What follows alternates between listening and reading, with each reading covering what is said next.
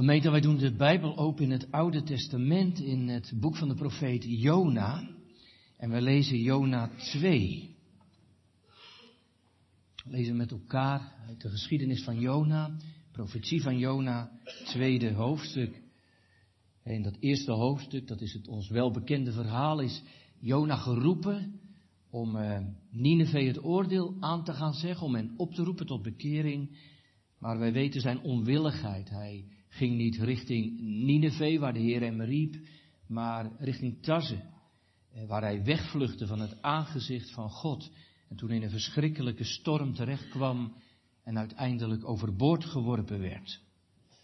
En dan beginnen wij in hoofdstuk 2 te lezen, dan is Jona in het binnenste van de vis. En Jona bad tot de Heere zijn God uit het ingewand van de vis. En hij zeide, ik riep uit mijn benauwdheid tot de Heere. En hij antwoordde mij. Uit de buik van het graf schreide ik, huilde ik, en gij hoorde mijn stem. Want gij had mij geworpen in de diepte, in het hart van de zee, en de stroom omving mij. Al uw baren en uw golven gingen over mij heen. En ik zei, ik ben uitgestoten van voor uw ogen. Nochtans zal ik de tempel van uw heiligheid opnieuw aanschouwen. De wateren hadden mij omgeven tot de ziel toe. De afgrond omving mij. Het wier was aan mijn hoofd gebonden. Ik was neergedaald tot de gronden van de bergen. De grendelen van de aarde waren om mij heen in eeuwigheid. Maar gij hebt mij leven uit, uit het verderf opgevoerd, o Heere mijn God. Als, als mijn ziel in mij oversteld was, dacht ik aan de Heere. En mijn gebed kwam tot u in de tempel van uw heiligheid. Die de valse ijdelheden onderhouden, verlaten hun lieder weldadigheid. Maar ik zal u offeren met de stem van dankzegging. Wat ik beloofd heb, zal ik betalen. Het heil is des Heeren. De Heere nu sprak tot de vis en hij spuugde Jona uit op het droge. Tot zover onze schriftlezing. En ook de stof voor de preek in bijzonder gemeente richten we ons op vers 1 en dan ook nog het begin van vers 1. Waar de eenvoudige woorden staan, en Jona bad tot de Heere zijn God. Gemeente, soms denk je wel eens bij jezelf, hoe ver moet het nou met iemand komen voordat hij echt gaat bidden, gaat smeken? Voordat je echt God gaat aanroepen om, om genade, in het besef dat je dat allemaal niet verdiend hebt? Als je zo deze vraag en deze opmerking plaatst aan het begin van de preek, en je dat even op jezelf betrekt, dan besef je meteen, gemeente, hoe, hoe spanningsloos onze eigen gebeden vaak zijn, vindt u niet? En dat we in ons gebed vragen, Heer, wilt u dit en en wilt u dat? Jongelui, onze gebeden zijn vaak opsommingen van de dingen die we dan nog van de Heer graag willen, of juist niet willen. Maar, mag ik iets vragen? Hoe, hoe, ver moet het met u of, of met jullie jongelui nou komen, voordat je echt, echt God op de knieën gaat en hem smeekt om ontferming en genade? Heel vaak moet je eerst in nood komen. Moet er iets spannends gebeuren in je leven? Voordat we echt gaan roepen, toch? Gemeente, toen ik met deze preek bezig was, las ik een verhaal van een jonge visser uit mijn geboortedorp. Jongens en meisjes in Katwijk aan Zee, waar ik vandaan kwam, ging je vaak al naar zee als je tien jaar was of twaalf. Dan was je natuurlijk nog heel klein. En ik las een verhaal over een jongen die, die ging mee naar de zee, hij, hij moest mee. Hij verdiende daar ook geld mee. Maar, maar, dat jongetje vertelde dat hij eigenlijk niet zo goed geloofde in de Heer Jezus. Dat ging niet zo goed. Hij zegt, uh, ik praatte vaak niet zo goed. En ik was eigenlijk niet echt de hele gelovige jongen. Je kent dat wel, hè, jongelui. Je bent niet onkerkelijk of zo. Het is niet zo dat je hebt gebroken met van alles en nog wat. Of dat je echt heel erg uit de band springt. Maar als ik jullie vanmorgen zou vragen, heb je dan echt een band met de Heer? Weet, weet je dan niet van die vrezen van God? Heb je de Heer Jezus echt lief gekregen? Dan is het soms een beetje moeilijk. Dan, dan moet je zeggen, nou ja, ik, ik ken hem misschien niet zo goed. Gemeente, als je het nog spannender maakt en aan elkaar vraagt, maar, maar zou je dan kunnen sterven? Zou je de Heer dan kunnen ontmoeten? Dan blijft het antwoord soms een beetje schuldig, hè? Nou jongens en meisjes, even terug naar jullie. Dat jongetje, die was nog maar twaalf, die jongen, die ging dus op een schip mee en die kwam in een enorme storm.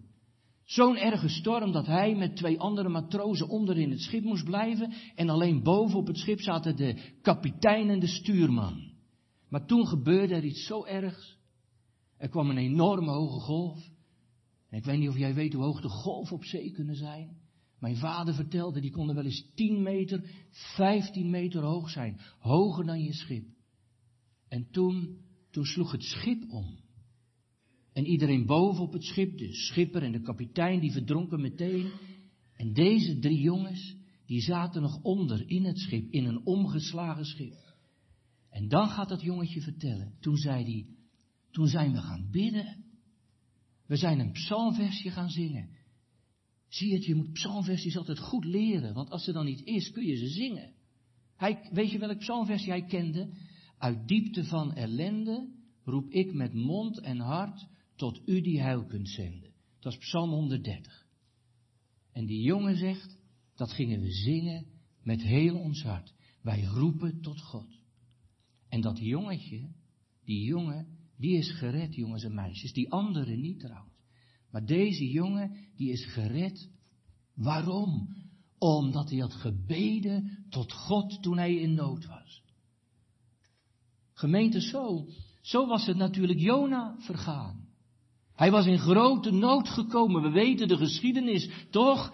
God had hem stilgezet toen hij hem geroepen had en hij was gaan vluchten. En dat had de Heer bepaald niet zachtzinnig gedaan. Je, je zou het ook zo kunnen zeggen. De geweldige liefde van God. Die Jona niet kwijt wilde. Die geweldige liefde ging gepaard met een storm. En Jona kon geen kant meer op. En God hield hem in de houtgreep. En nou ja, hij ging overboord uiteindelijk. In de kolkende zee. Om door een enorme vis te worden opgeslokt. Ja, gemeente.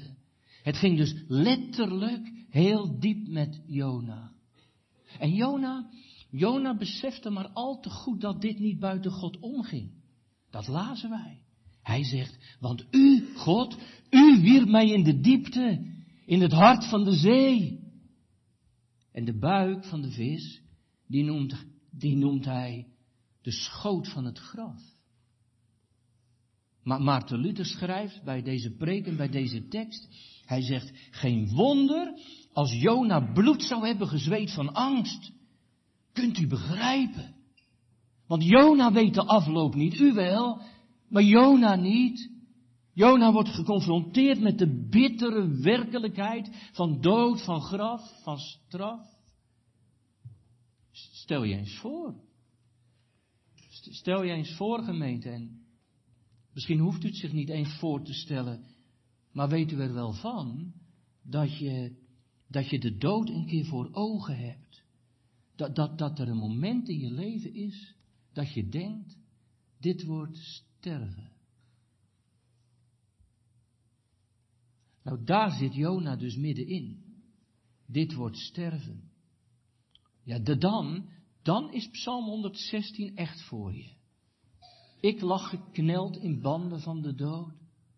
Daar de angst van de hel mij alle troost deed missen. Ik was benauwd, omringd door droefenissen.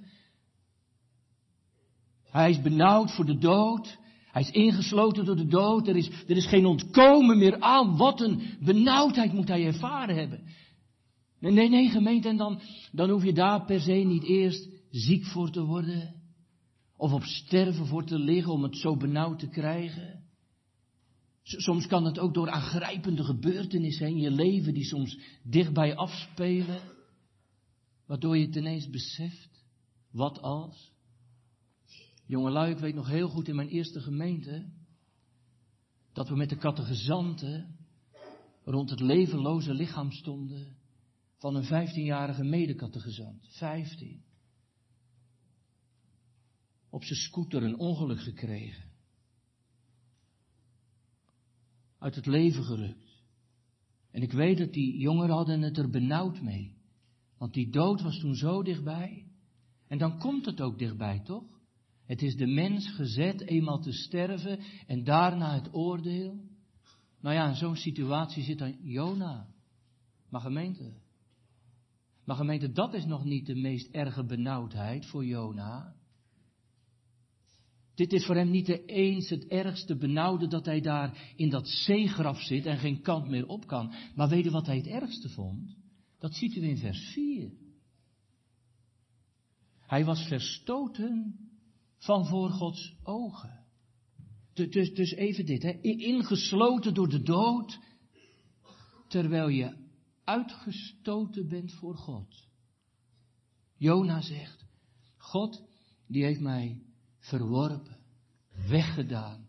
Hij wil niets meer met mij te maken hebben. Bent u daar wel eens bang voor? Jongen, luisteren jullie daar wel eens bang voor? Dat je soms altijd maar zit te struggelen met kerk en geloven, met al die vragen die daarbij komen, hè, bovenkomen. Maar dat je ook wel eens bang bent voor, uh, als God nou eens klaar is met jou en je verstoot. Als je bij jezelf beseft, het komt echt niet meer goed met mij, dat. Ja, ja, juist in de stormen van het leven soms, als Gods golven en baren over je heen gaan. Gemeente, dan juist, dan word je soms geconfronteerd met jezelf en met God. En dat is wat. Als je daar terechtkomt, ik hoor het op huisbezoek mensen wel eens zeggen, die, die zeggen dan, ja, als ik het ze vraag, ja, dominee, als het zo blijft zoals het nu is, dan is het niet goed. Zou, zou u dat ook zeggen, en jij? Maar, maar weet je dan wel wat je zegt? Verstoten, verloren is uitgestoten van Gods aangezicht. Gemeente, wie verloren gaat, wacht een vreselijk lot. Namelijk dat, dat God voor eeuwig de handen van je aftrekt, om je vervolgens over te geven aan de hel, waar geen ontkomen meer aan is. Dat. Dat is verstoten.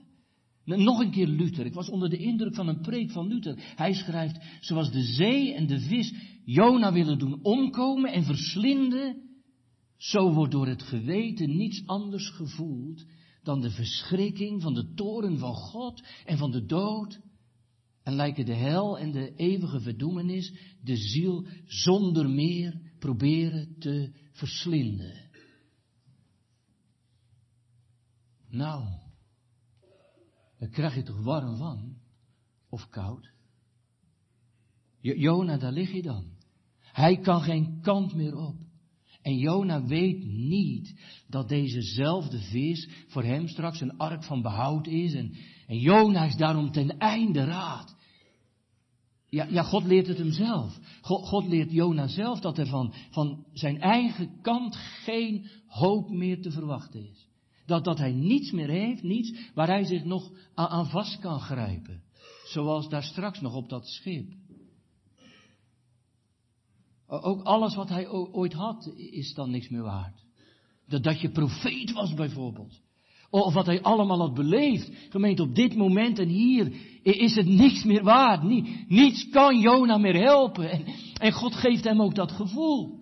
Maar je kunt natuurlijk vanmorgen vragen, waarom? Waarom doet God dit? En waarom zo diep?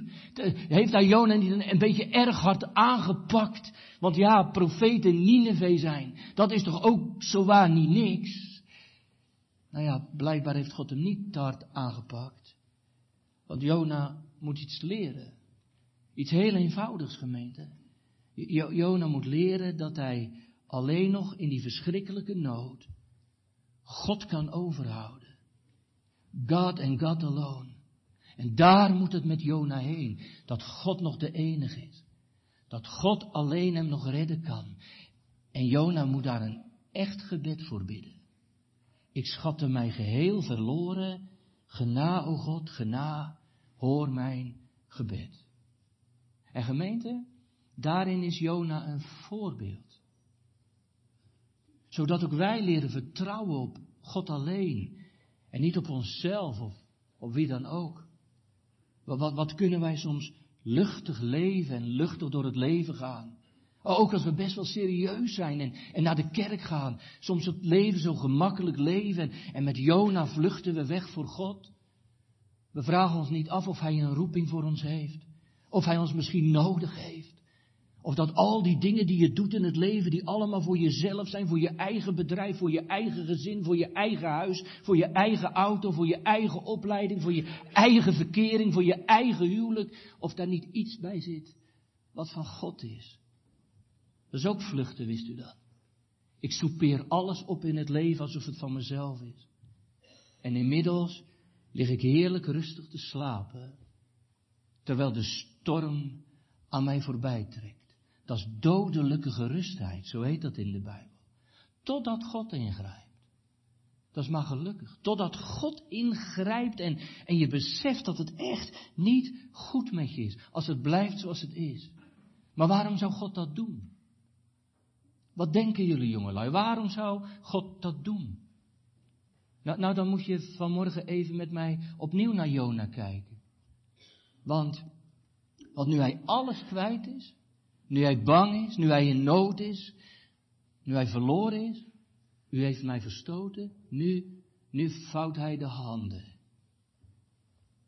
En, en gemeente, dan doet hij geen schietgebedje, evenzo uit de losse pols. Hij, hij somt niet een lijstje vragen op, zoals u en mijn gebed zo vaak. Maar, maar hij bidt, hij bidt als een schreeuw uit de diepte. Toen bad Jona tot de Heere zijn God. Dat is opmerkelijk gemeente, dit zinnetje uit, vers 2, uit hoofdstuk 2. Want een hoofdstuk eerder staat, toen vluchtte Jona van het aangezicht van God. En nu staat er, toen bad Jona tot de Heere zijn God. Dat is zonder 80 graden om. Nu hij alles kwijt is, bidt hij tot God. En wij mogen elkaar toch vanmorgen wel de vraag stellen, dat mag toch gemeente? Wat er nodig is voor u, voor mij, om, om ons tot bidden te brengen. Jongelui, wanneer ga je nou echt smeken om, om Gods genade? E, echt smeken. Ja, zeg je, maar je hoeft toch niet altijd smeken om Gods genade. Je hoeft toch niet altijd in nood te zijn en, en altijd de dood en zo te voelen. Nee, dat denk ik ook niet. Niet altijd. Dat zou ook niet kunnen. Joon heeft dat ook niet altijd gehad. Maar nooit is wel een beetje te vaak, toch? Nooit is nooit. En daarom stel ik jullie en, en ons die vraag vanmorgen. Hoe, hoe ver moet het nou komen voordat ik zo afhankelijk me weet van Gods genade? Ja, zegt iemand, maar, maar God kan iemand toch ook door de liefde eh, tot bidden brengen? Nou en of, zeker. Hij, hij kan je door de liefde tot bidden brengen en, en door zijn genade gaande maar, zeker. Maar, maar, maar mensen zijn door de band genomen niet zo meegaand, weet u. Wij zijn zo vaak hoogmoedig en zo uh, trots en, en, en, we denken ons leven een beetje in de hand te hebben en te houden. En, en we buigen onze knieën niet, niet zo makkelijk, toch? Of u wel? Maar ik niet hoor. Niet zo makkelijk. Tot, totdat God ingrijpt. En, en aan mijn leven schudt. Ziet u dat in uw eigen leven ook wel eens? Want, want, je moet het wel zien hoor. Je moet het wel zien dat, dat de nood je zo te groot wordt. En, en dat de vragen je zo veel worden. Dat, dat diepe zorgen van rouw en verdriet je leven vullen.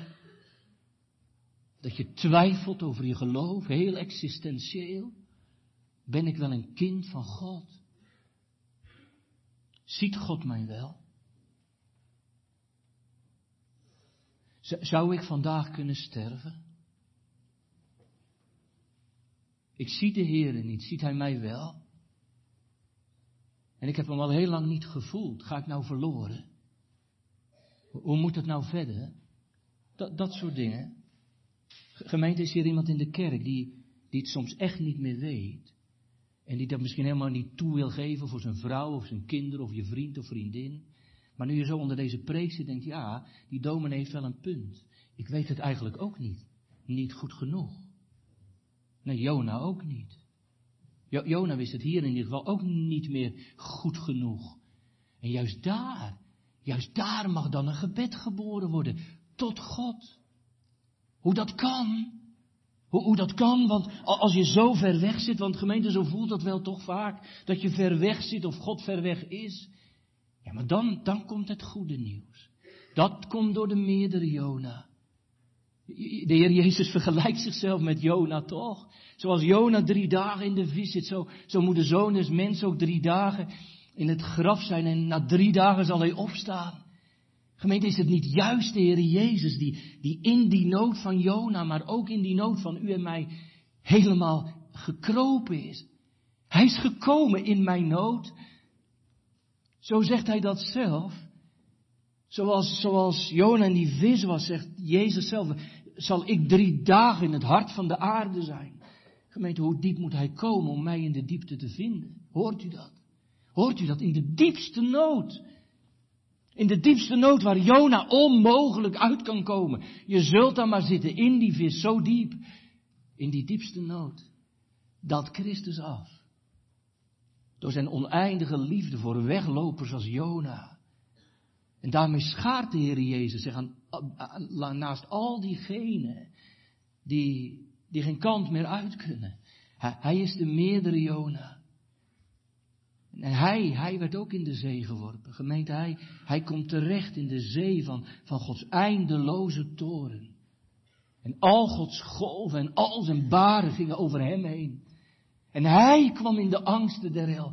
En hij heeft alle troost gemist. En, en hij kroop door het stof van de dood. En waarom? Wat denkt u? Om het Pasen te laten worden. Om mensen die zo diep zitten en er zelf niet uit kunnen komen, eruit te trekken, uit te halen. Daarom. Om mensen die vastzitten los te maken. En om wie niets meer heeft, alles uit handen te nemen. Daarom. Om dichtbij te kunnen zijn in de nood. Daarom kan Jona bidden. Dat heeft met Christus te maken. Met zijn evenknie, de grotere Jona. En kijk, hij doet het, hè. En Jona bad tot de Heere zijn God. En hij valt, maar in Gods handen. Dat wel. Ja, je zou het ook zo kunnen zeggen. De Heere, de Heere leert hem weer bidden. En dan vlucht hij niet meer van God, maar tot God. En Jona bad tot de Heere, doelgericht en met lege handen. Heer, ik, ik voel mijn krachten wijken en bezwijken. Haast u tot mijn hulp en red. Op mijn ootmoedig smeekgebed en gemeente, waar zo gebeden wordt, hè, echt waar, midden in de nood, daar is toch redding. Daar zit er toch belofte aan vast. Dat zegt de Bijbel toch. De Heere zegt toch, ik ben nabij alle die mij aanroepen. Dat vind ik mooi. Ik ben nabij alle die mij aanroepen. En voor ik heb gebeden weet hij wat ik al wilde zeggen. En voor ik zijn antwoord hoor, heeft hij al gered. Jona bad tot de Heere en riep tot de Heere. Hij, hij klopt aan de deur van het huis van de Vader. Gemeente, zo dichtbij kan het komen. Is uw gebed ook zo'n gebed? Is je gebed zo'n gebed? Worstelend aan, aan de troon van Gods genade om uitkomt. Als het water die aan de lippen staat. En klop je dan ook aan bij de Vader? Want, want Jona's gebed heeft een adres. Hij bad tot de Heere zijn God. Dat is wat. Dat, dat, want hij zegt straks, ik ben een uitgestotene. Dat is wat toch, als je een, je een uitgestotene weet. Je in je eigen beleving verworpen bent door God, zo benoemt hij dat. Dat je toch bidt tot diezelfde God. Vind ik wonderlijk. Ik, ik moest denken aan die oude vrouw. Die daar geweldig mee worstelde in een van mijn gemeentes. Die mij steeds de vraag stelde. Maar dominee, ben ik dan uitverkoren? Ze zat met die vraag. En, en kan ik dan wel bij God aankomen? Ben ik geen verworpene? En beeld ik het me allemaal niet in? een uitgestotene. Waar doet het dan allemaal nog toe? En weet u, weet u wat zij heel eenvoudig bad? Dat raakte mij wel. Zij bad dit. Here, als ik dan een verworpene ben, wilt u mij er dan alstublieft toch nog bij zetten? We weten wat Luther zegt. God kan onmogelijk nalaten te helpen tot een mens die tot hem huilt en roept. En zo mag je roepen. Zo mag je je gebeden opzenden tot de God van het leven, tot de genadetroon. Waarvan Jezus heeft gezegd, en alles wat u in mijn naam zult bidden, dat zal ik de Vader zeggen, dat zal ik hem voorleggen. de geest bidt met onuitsprekelijke zuchtingen, voor hen die soms geen woorden hebben. Gemeente gebeden zijn geen losse flodders. Gebeden komen aan bij die genadetroon van God. Je bidt tot de Heer, je God. Ja, vraagt iemand maar. Maar wat moet je dan precies bidden? Ik kan vaak geen woorden vinden. Ik vind dat moeilijk. weet je wat opmerkelijk is? Jona had ook geen woorden. Nou, zegt u, u hebt net een prachtige Jona 2 gelezen. Dat vond ik best wel mooi, dat gebed van Jona. Ja, ja, uh, maar Jona had geen woorden, God wel. Oh ja, zegt u, nu gaat u het vergeestelijken. En nou zegt u dat alles wat hij bad, dat de Heilige Geest dat hem op de lippen legde. Nou, een soort van. Nog iets anders. Viel u dat niet op in de schriftlezing? Dat Jona's gebed, gemeente, is een aaneenschakeling van Bijbelteksten. Als u een Bijbel leest waar de teksten bij staan, moet u maar even kijken. Bijna elk vers staat een Bijbeltekst bij. Het is een aaneenschakeling van Bijbelteksten. De meeste uit de psalmen. Die, die heeft Jona natuurlijk geleerd. Als Joods jongetje toen hij jong was. En nu, nu bidt hij in de donkerte, in die buik van de vis, die psalmen. En ik moest meteen denken aan de meerdere Jona, de Heer Jezus, want die deed toch hetzelfde? De Heer Jezus bidt aan het kruis de woorden uit Psalm 22. Mijn God, mijn God, waarom hebt u mij verlaten? En, die mindere Jona die we vandaag tegenkomen, die, die bidt woorden uit de Bijbel. Niet zijn woorden, maar Gods woorden. En, en weet u waar het mee begint? Weet u waar het mee begint? Met, met Psalm 50. Met Psalm 50. Roep mij aan in de dag der benauwdheid. Ik zal u eruit helpen. Ik weet niet of jullie dat weten, jongelui, maar dan weet je het nu. Dat wordt wel eens uh, het telefoonnummer van God genoemd. Dat wil je nooit meer vergeten. 5015. Nou, dat lijkt me makkelijk. 5015. En, en Jona begint dit nummer te draaien. Zoals wij zeg maar 112 kunnen draaien in nood. 5015. En in Psalm 50 vers 15 staat. Ik riep de Heere aan in mijn benauwdheid. En hij antwoordde mij. Met, eerbied gezegd gemeente, God nam de telefoon op. En u hoorde mijn stem, zegt Jona, toen ik tot u riep. Trouwens ook een psalm, 116, die zongen wij. Want, want die getrouwe Heere, die hoort mijn stem, mijn smekingen, mijn klagen. Omdat God gemeente zich neigt, want hij neigt zich, hij buigt zich voorover in zijn liefde tot deze ellendige. En hij vraagt, wat is er? Gemeente, de psalmen zeggen het ons voor. Begrijpt u, begrijpt u waarom het daarom zo nodig is dat wij die woorden kennen en dat we ze leren en dat we ze herhalen? Dan, dan, dan raken we helemaal thuis in de hemelapotheek. Echt waar. Kent u die, kent u die de hemel, de psalmboek is de apotheek van de hemel. Als er wat met je is, moet je daar een pilletje uithalen. Echt waar. En voor alles zit er wat in. En, en daar worden ons medicijnen aangereikt, waar wij, u, ik geen, geen woorden voor hebben. En hij legt mij de woorden op de mond, als ik in de diepste nood verkeer. Woorden die ik zelf nooit zou spreken, maar wel woorden van alle tijden zijn. En gemeente, daarom moet je er zo zuinig op zijn. Heeft u dat dan nooit, dat je, dat je, dat je wel eens een psalm zingt en, en, heel je hart gaat erin mee? Je zou dat zelf nooit gebeden hebben. En, en toch bad je het helemaal mee. Dat is toch mooi?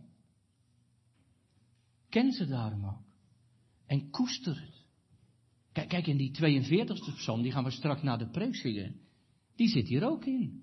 Zoals een hert schreeuwt naar de waterstromen, zo verlangt mijn ziel tot u, o God. En Jonas citeert de woorden, wat verderop in de psalm, die zeggen, al Gods golven en Gods baren zijn over mij heen gegaan. Daarom zingen wij straks vers 4. Heeft dus Jona ook gezongen. Maar, maar niet alleen deze woorden. Maar heel Psalm 42 klinkt in dat gebed van Jona mee. Van, van die dichter, weet u wel, die van God verstoken was. Die, die terugdenkt aan de tijd dat hij met vreugde opging naar Gods huis. Dat het hem raakte. Dat, dat hij zulke geweldige avondmansgang beleefd had. Die, die verlangt naar de voorover van God. Die zoveel geproefd had van de liefde van Jezus. Maar, maar in een situatie zit waar, waarin het allemaal afgesneden is en, en, en donker is. En, en dan, dan klinkt die schreeuw tot God hè, uit die buik van de vis. Heren, wanneer zal ik weer ingaan en voor uw aangezicht verschijnen? De, en, en daar eindigt Psalm 42 niet mee, hè? Het eindigt met de hoop op God. En dat is nu de taal van het geloof, gemeente. Ook bij Jona trouwens. De taal van het geloof dat het hier wind van de duisternis is. Er zal verlossing komen. Kijk u maar in vers 9. Het heil is des Heren. Of om het met woorden uit Psalm 42 te zeggen. Wat buigt gij u neder, o mijn ziel? En wat zijt u onrustig in mij? Hij ken je toch wel eens? Hoop op God. Want ik zal hem nog loven. Dan zing je als het ware dwars door je ellende heen. Ik zal zijn lof in de nacht zingen. Op hoop tegen hoop. Omdat ik het van hem verwacht. Omdat de Heere waarlijk is opgestaan. Daarom. Dat is de toon van Jona. Dat is de toon. Ik ben uitgestoten van voor uw ogen. Nochtans zal ik in de tempel, zal ik de tempel van uw heiligheid aanschouwen. Nochtans.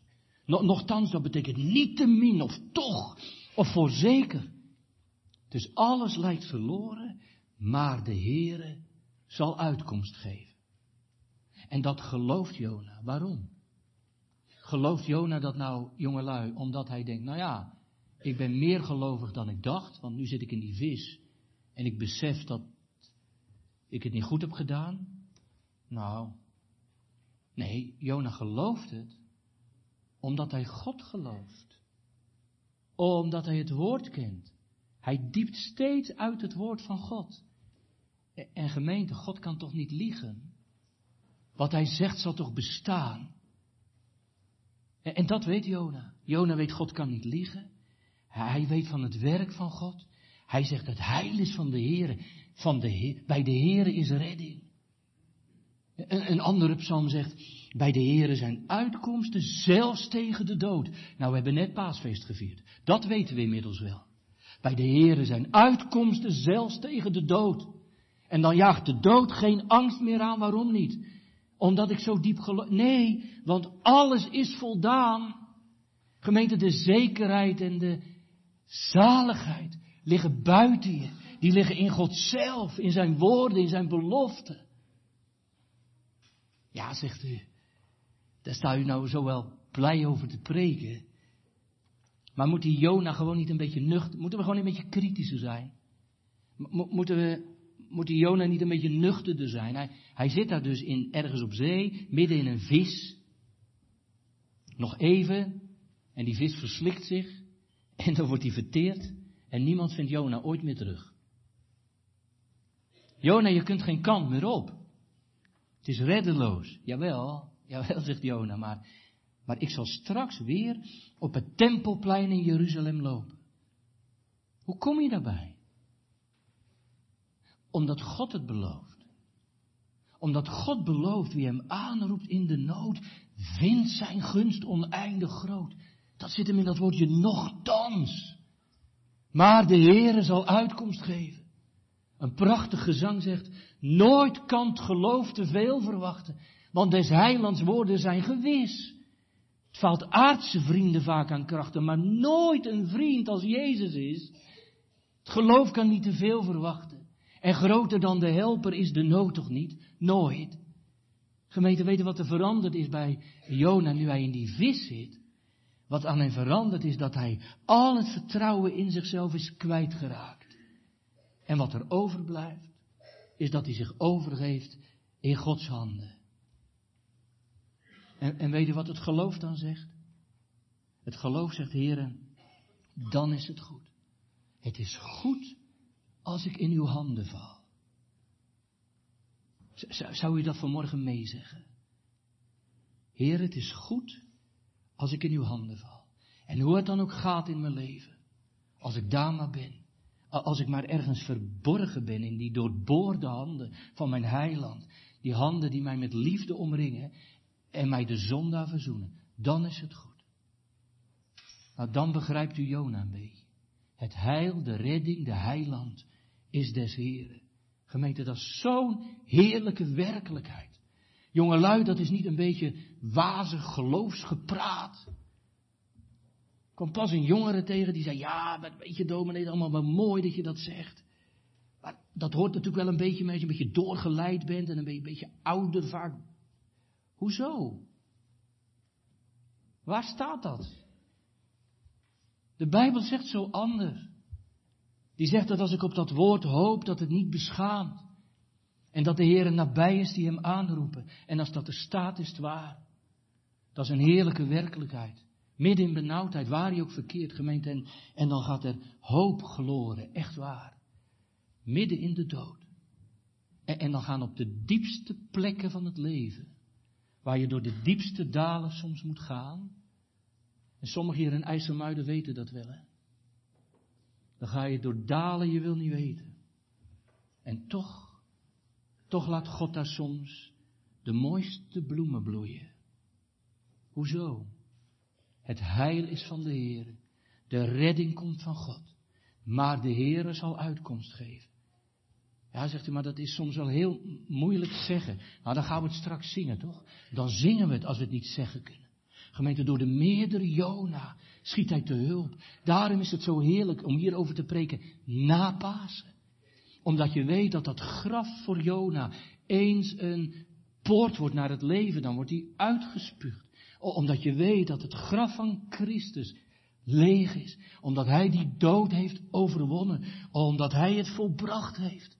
Gemeente, dan gloort er hoop midden in de dood. De meerdere Jona schiet hulp. En dan is alles van mijn kant is, is overbodig geworden. Ja toch? Dan ga ik mezelf niet meer redden. Dan is het niet mijn geloof en mijn ervaringen en mijn bevindingen en mijn uitverkiezing en mijn bekering en mijn avondmaal. Die maken me niet zalig. Maar mijn heiland maakt mij zalig. Het komt van de andere kant. Gemeente, het komt van de kant van het kruis en het open graf. En wat voor ons onmogelijk is geworden, om ons te redden, om nog tot God te kunnen gaan, dat heeft Hij geopend. Een weg van leven. Gemeente, daar heeft de Heer Jezus door zijn lijden en sterven en opstanding, die weg die hermetisch was afgesloten, weer een weg geopend tot het leven. En hij bad ook, hè. Die, die meerdere Jona bad ook aan het kruis. En, Jezus aan het kruis hangende, hij riep tot de Heere zijn God. En hij riep, mijn God, mijn God, waarom hebt gij mij verlaten? Maar God antwoordde niet. Geen woord. Hij werd verlaten en in God verlatenheid. Gemeente, hij daalde af tot in het diepst van de dood en de angst der hel. En hij riep, het is volbracht. En op grond daarvan, op dat machtige en krachtige werk van Christus, is het heil des Heren. Zijn werk is de grond ervan. En, en daarom zijn er uitkomsten tegen de dood. Door Hem. Dat is het nochtans van het geloof. Je gelooft je er doorheen. Dat, dat is zeggen, het is, het is misschien onmogelijk dat ik zalig word. Maar toch, nochtans, is er een weg ten leven in Jezus Christus. Gemeente, dan is het voor niemand onmogelijk. Voor helemaal niemand. Dan sta je soms ook voor een zee, voor een rode zee van onmogelijkheden en dan denk je, hoe kom ik daar ooit doorheen? Net als dat volk van Israël. En weet je wat Mozes dan tegen het volk zegt? Mozes zegt dan, eh, vrees niet, staat vast. En dan hetzelfde als wat Jona zei. Het heil is des Heren. Jona zit in de vis. En Mozes staat voor die zee. Je zou zeggen, er is geen ontkomen aan. Nou toch. Want het heil is des Heren. Gemeente, daar mag je je mee troosten. Daar mag je op terugvallen. En daardoor hoeft niemand te denken, het kan niet meer of het kan nooit. Er is redding en behoud in Christus. En openbaring zegt het zo mooi, hè. Hij heeft de sleutels van hel en van dood. Dan heeft hij ook de sleutel om mij te verlossen en los te maken. En daar hoop ik op. Dat is mijn behoud. En al schijnen mij soms al Gods wegen duister en weet ik niet waarom, het heil is van de Heer. Ik zeg, nochtans, omdat u het gezegd hebt, gemeente, staat u in dat geloof. Daar gaat het vanmorgen om. En dat is zo heerlijk. Dan gelooft Jona, de vis moet me loslaten. De dood moet me prijsgeven. En dat mag de gelovige ook weten. Als het heil des Heren is gemeente, als je redding van God komt, dan lust de dood je niet meer. Dan moet de Satan je loslaten. Koberige zegt het heel mooi. Die zegt, Gods kinderen deugen niet voor de hel. Vind ik mooi. Gods kinderen deugen niet voor de hel. Ben, ben, je niet bang dat je verloren gaat? Ik deug niet meer voor de hel. Die, die wil me niet meer hebben. Hoezo niet? Ik ben van een ander. Ik ben niet meer te eten voor die macht van de duisternis. En daarom spuugt die vis Jona uit. Jo, Jona is niet meer te eten, hij is niet meer te houden. En hij spuugt hem uit. En hij wordt gered.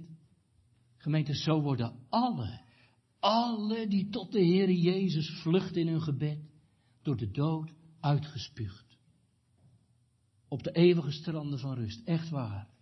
Zonde, dood, benauwdheid, ze moeten me loslaten, ooit en eens. Want ik ben in goede handen, omdat de meerdere Jona zegt, deze is van mij.